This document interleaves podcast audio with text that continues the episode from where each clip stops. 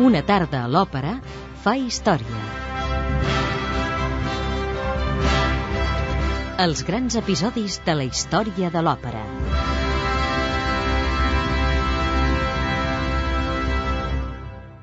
Avui seguim amb la història de l'òpera a través dels seus protagonistes i viatjarem al final del barroc, a mig camí entre França i Anglaterra de la mà de Rameau i Händel. Però abans parlem de les generalitats de l'òpera barroca.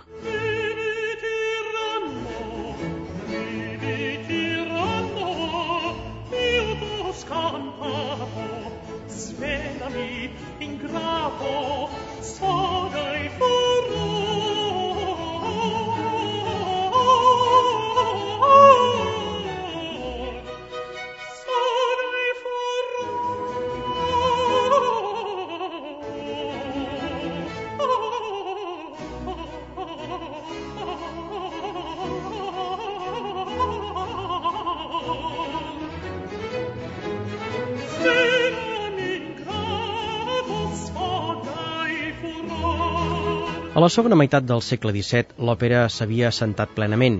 A finals de la centúria i durant la primera meitat del segle XVIII, el gènere semblava lleugerament encarcarat per les convencions, malgrat l'indubtable interès de diversos autors d'escoles i tendències ben diverses entre ells.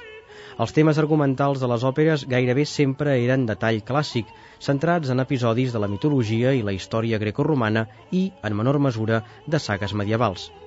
En alguns casos, especialment a França, es recorria a ambients exòtics com ara Turquia, Mèxic o el Perú. En conjunt, aquest tipus d'òpera s'emmarcava en l'anomenada òpera sèria, per distingir-la de l'òpera bufa, còmica, que apareixeria a la dècada dels anys 20 i 30 del segle XVIII. Musicalment, les òperes de la primera meitat del segle XVIII, a les acaballes del barroc, per tant, s'estructuraven de la següent manera.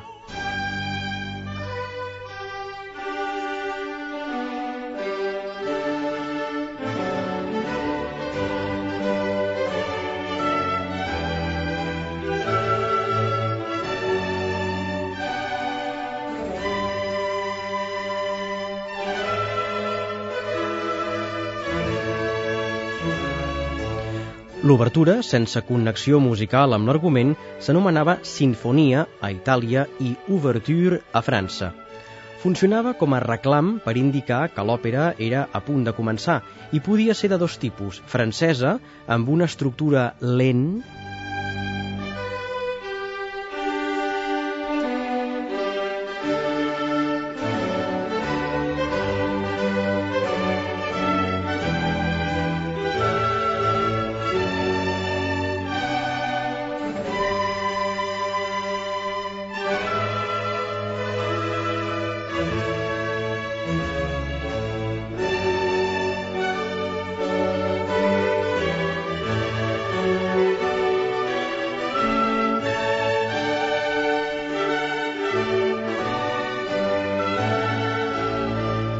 i ràpid.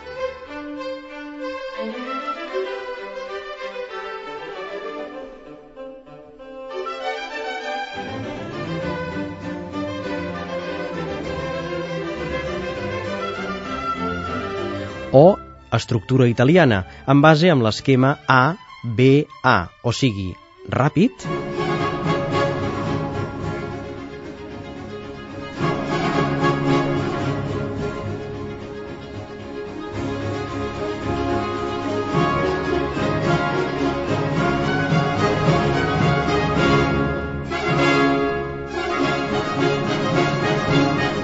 segon moviment lent,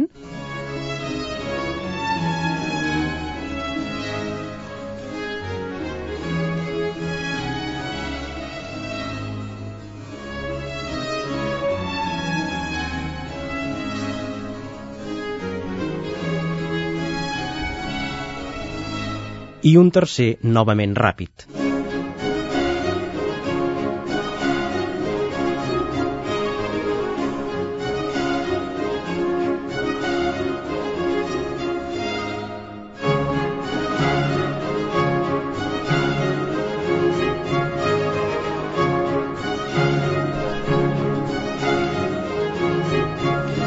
D'altra banda, hi havia els recitatius, veritables fills conductors del drama.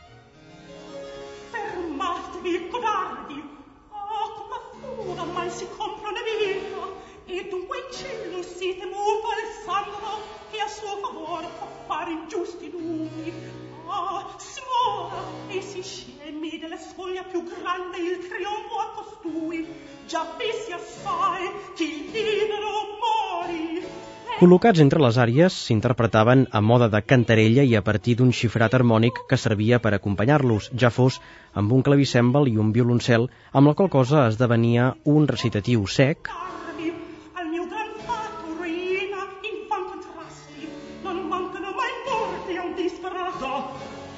o bé amb orquestra, i aleshores s'anomenava recitatiu acompanyat.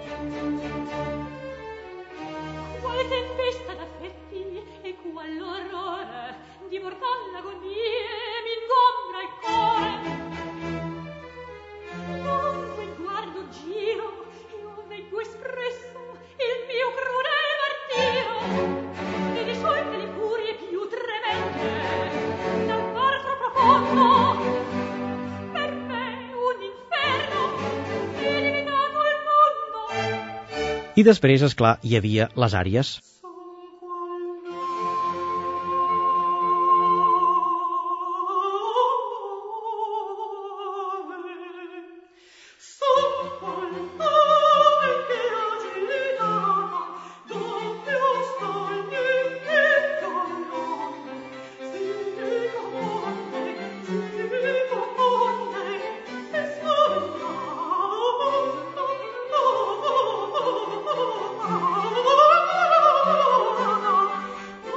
L'esquema de l'ària en l'òpera barroca respon al model da capo, és a dir, des del començament, i s'estructura en tres parts, una ràpida i expositiva,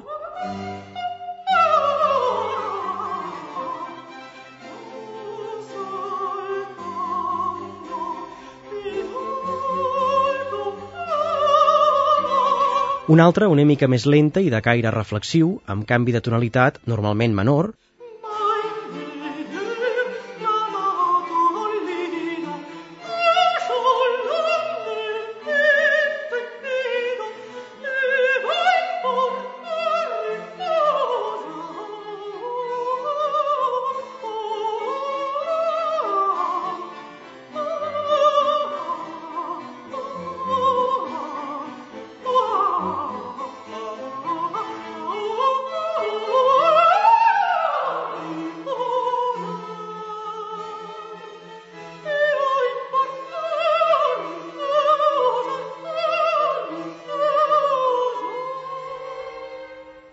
finalment una tercera ràpida que reprenia el material de la primera secció, però ara afegint-hi ornamentacions i floritures.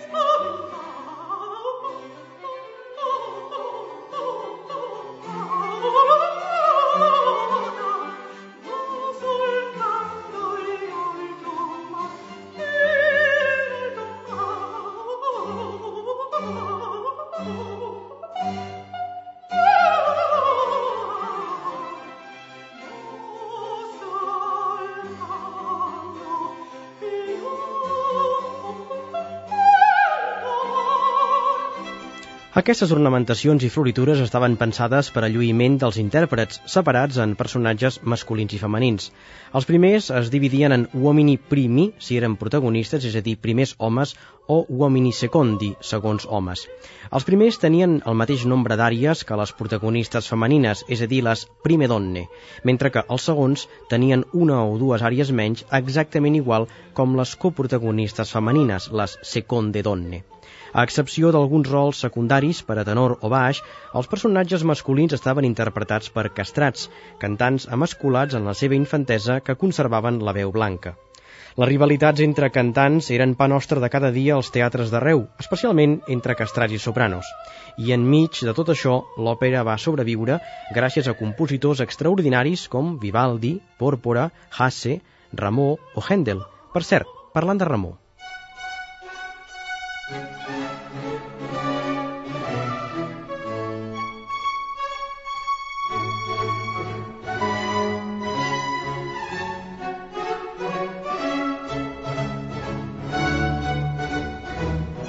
Jean-Philippe Rameau va viure entre 1683 i 1764.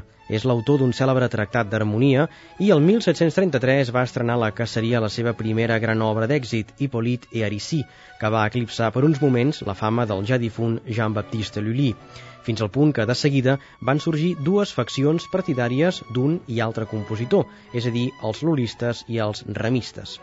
Amb tot, la fama de Ramó va ser indiscutible i indiscutida fins que el 1752 va sorgir la cèlebre Querella dels bufons, que oposava a l'estil hieràtic de l'òpera francesa la gràcia i l'espontaneïtat de la música italiana. Però aleshores Ramó ja era un ancià venerable que s'ho mirava tot de cua d'ull. En Ramó és més important la declamació dramàtica que no pas l'artifici vocal. Per això les seves òperes s'apropen a l'ideal monteverdià de primar l'expressió per damunt de la bellesa. I Ramó explora i explota el recurs en una successió de diàlegs que donen a la partitura la sensació d'estar integrada per recitatius acompanyats amb fragments orquestrals intercalats entre ells.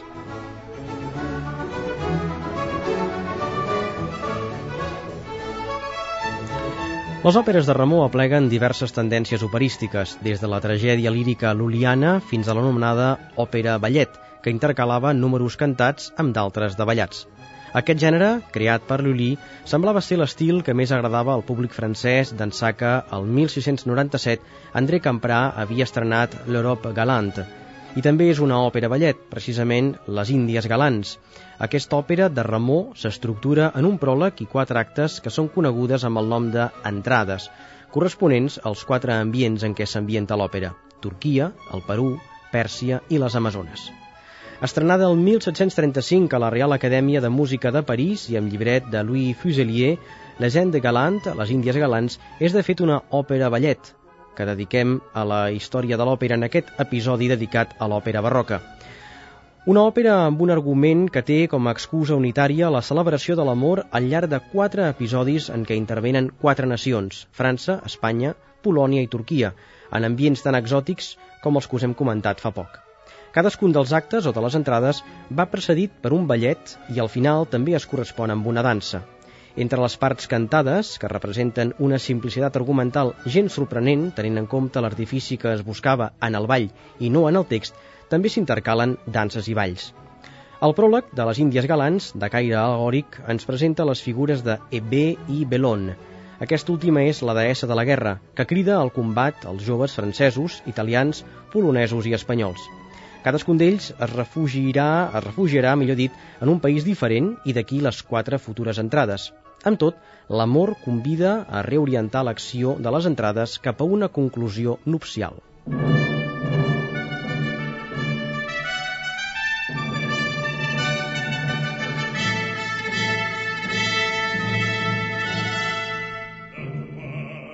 Sapere, écoutez cette trompette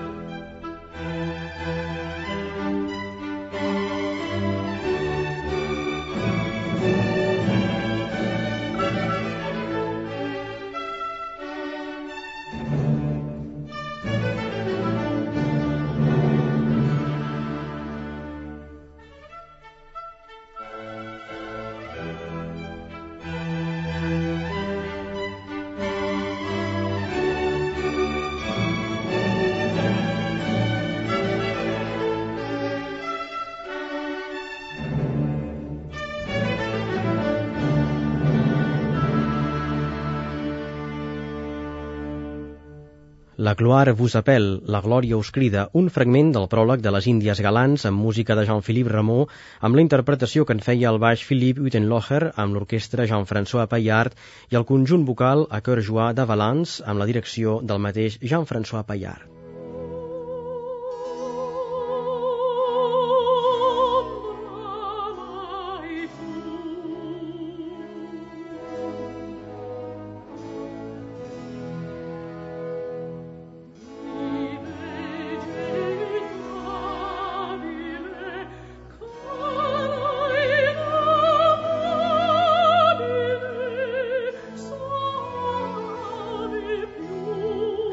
Georg Friedrich Händel va néixer a la ciutat alemanya de Halle el 1685 i va morir a Londres el 1759, adoptat plenament pels anglesos, que van fer-se el seu.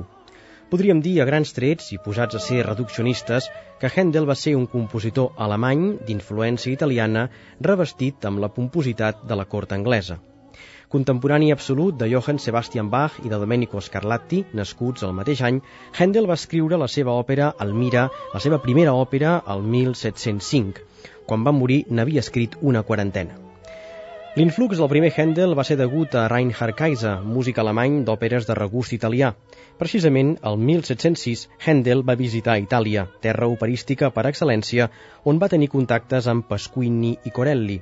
En aquells moments, un jove compositor venecià començava a despuntar també com a compositor operístic. Es deia Antonio Vivaldi.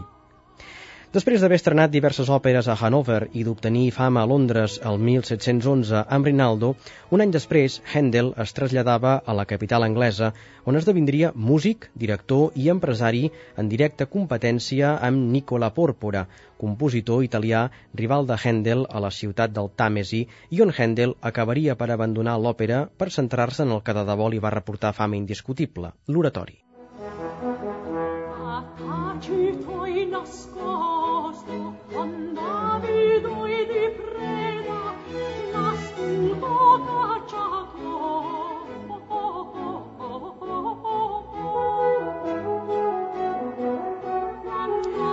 Giulio Cesare in Egitto és segurament l'òpera més famosa de Georg Friedrich Händel.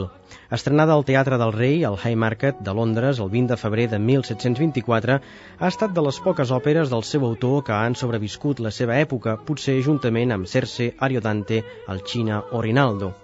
Segurament aquesta supervivència es degui a la cèlebre trama prou coneguda en regions marginals de l'òpera, com el cinema o la novel·la romàntica. Els amors entre Juli Cèsar i la futura reina egípcia Cleòpatra són el nucli central de l'òpera, escrita en italià amb llibret de Nicola Francesco Haim i basada en un text anterior de Giovanni Francesco Busani.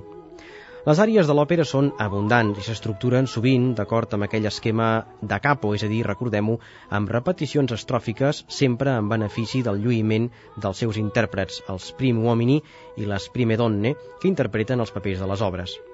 El tercer acte de Juli Cèsar, en quatre quadres, comença al bosc on Ptolomeu, victoriós, ha vençut momentàniament Juli Cèsar. El general romà ha hagut de fugir nedant Nil la vall. Coneixedor dels amors entre la seva germana i Cèsar, Ptolomeu humilia Cleòpatra fent-la vigilar pels soldats. És aleshores quan la princesa canta l'ària més famosa de l'òpera, Piangerò la sorte mia, en què Händel va invertir la lògica estructural de les àries de capo, del ràpid, lent, ràpid, va passar a un lent, ràpid, lent. Aquí la tenim, en la versió que ens interpreta Anne Murray, acompanyada per l'Orquestra del Segle de les Llums que dirigeix Charles McCarras.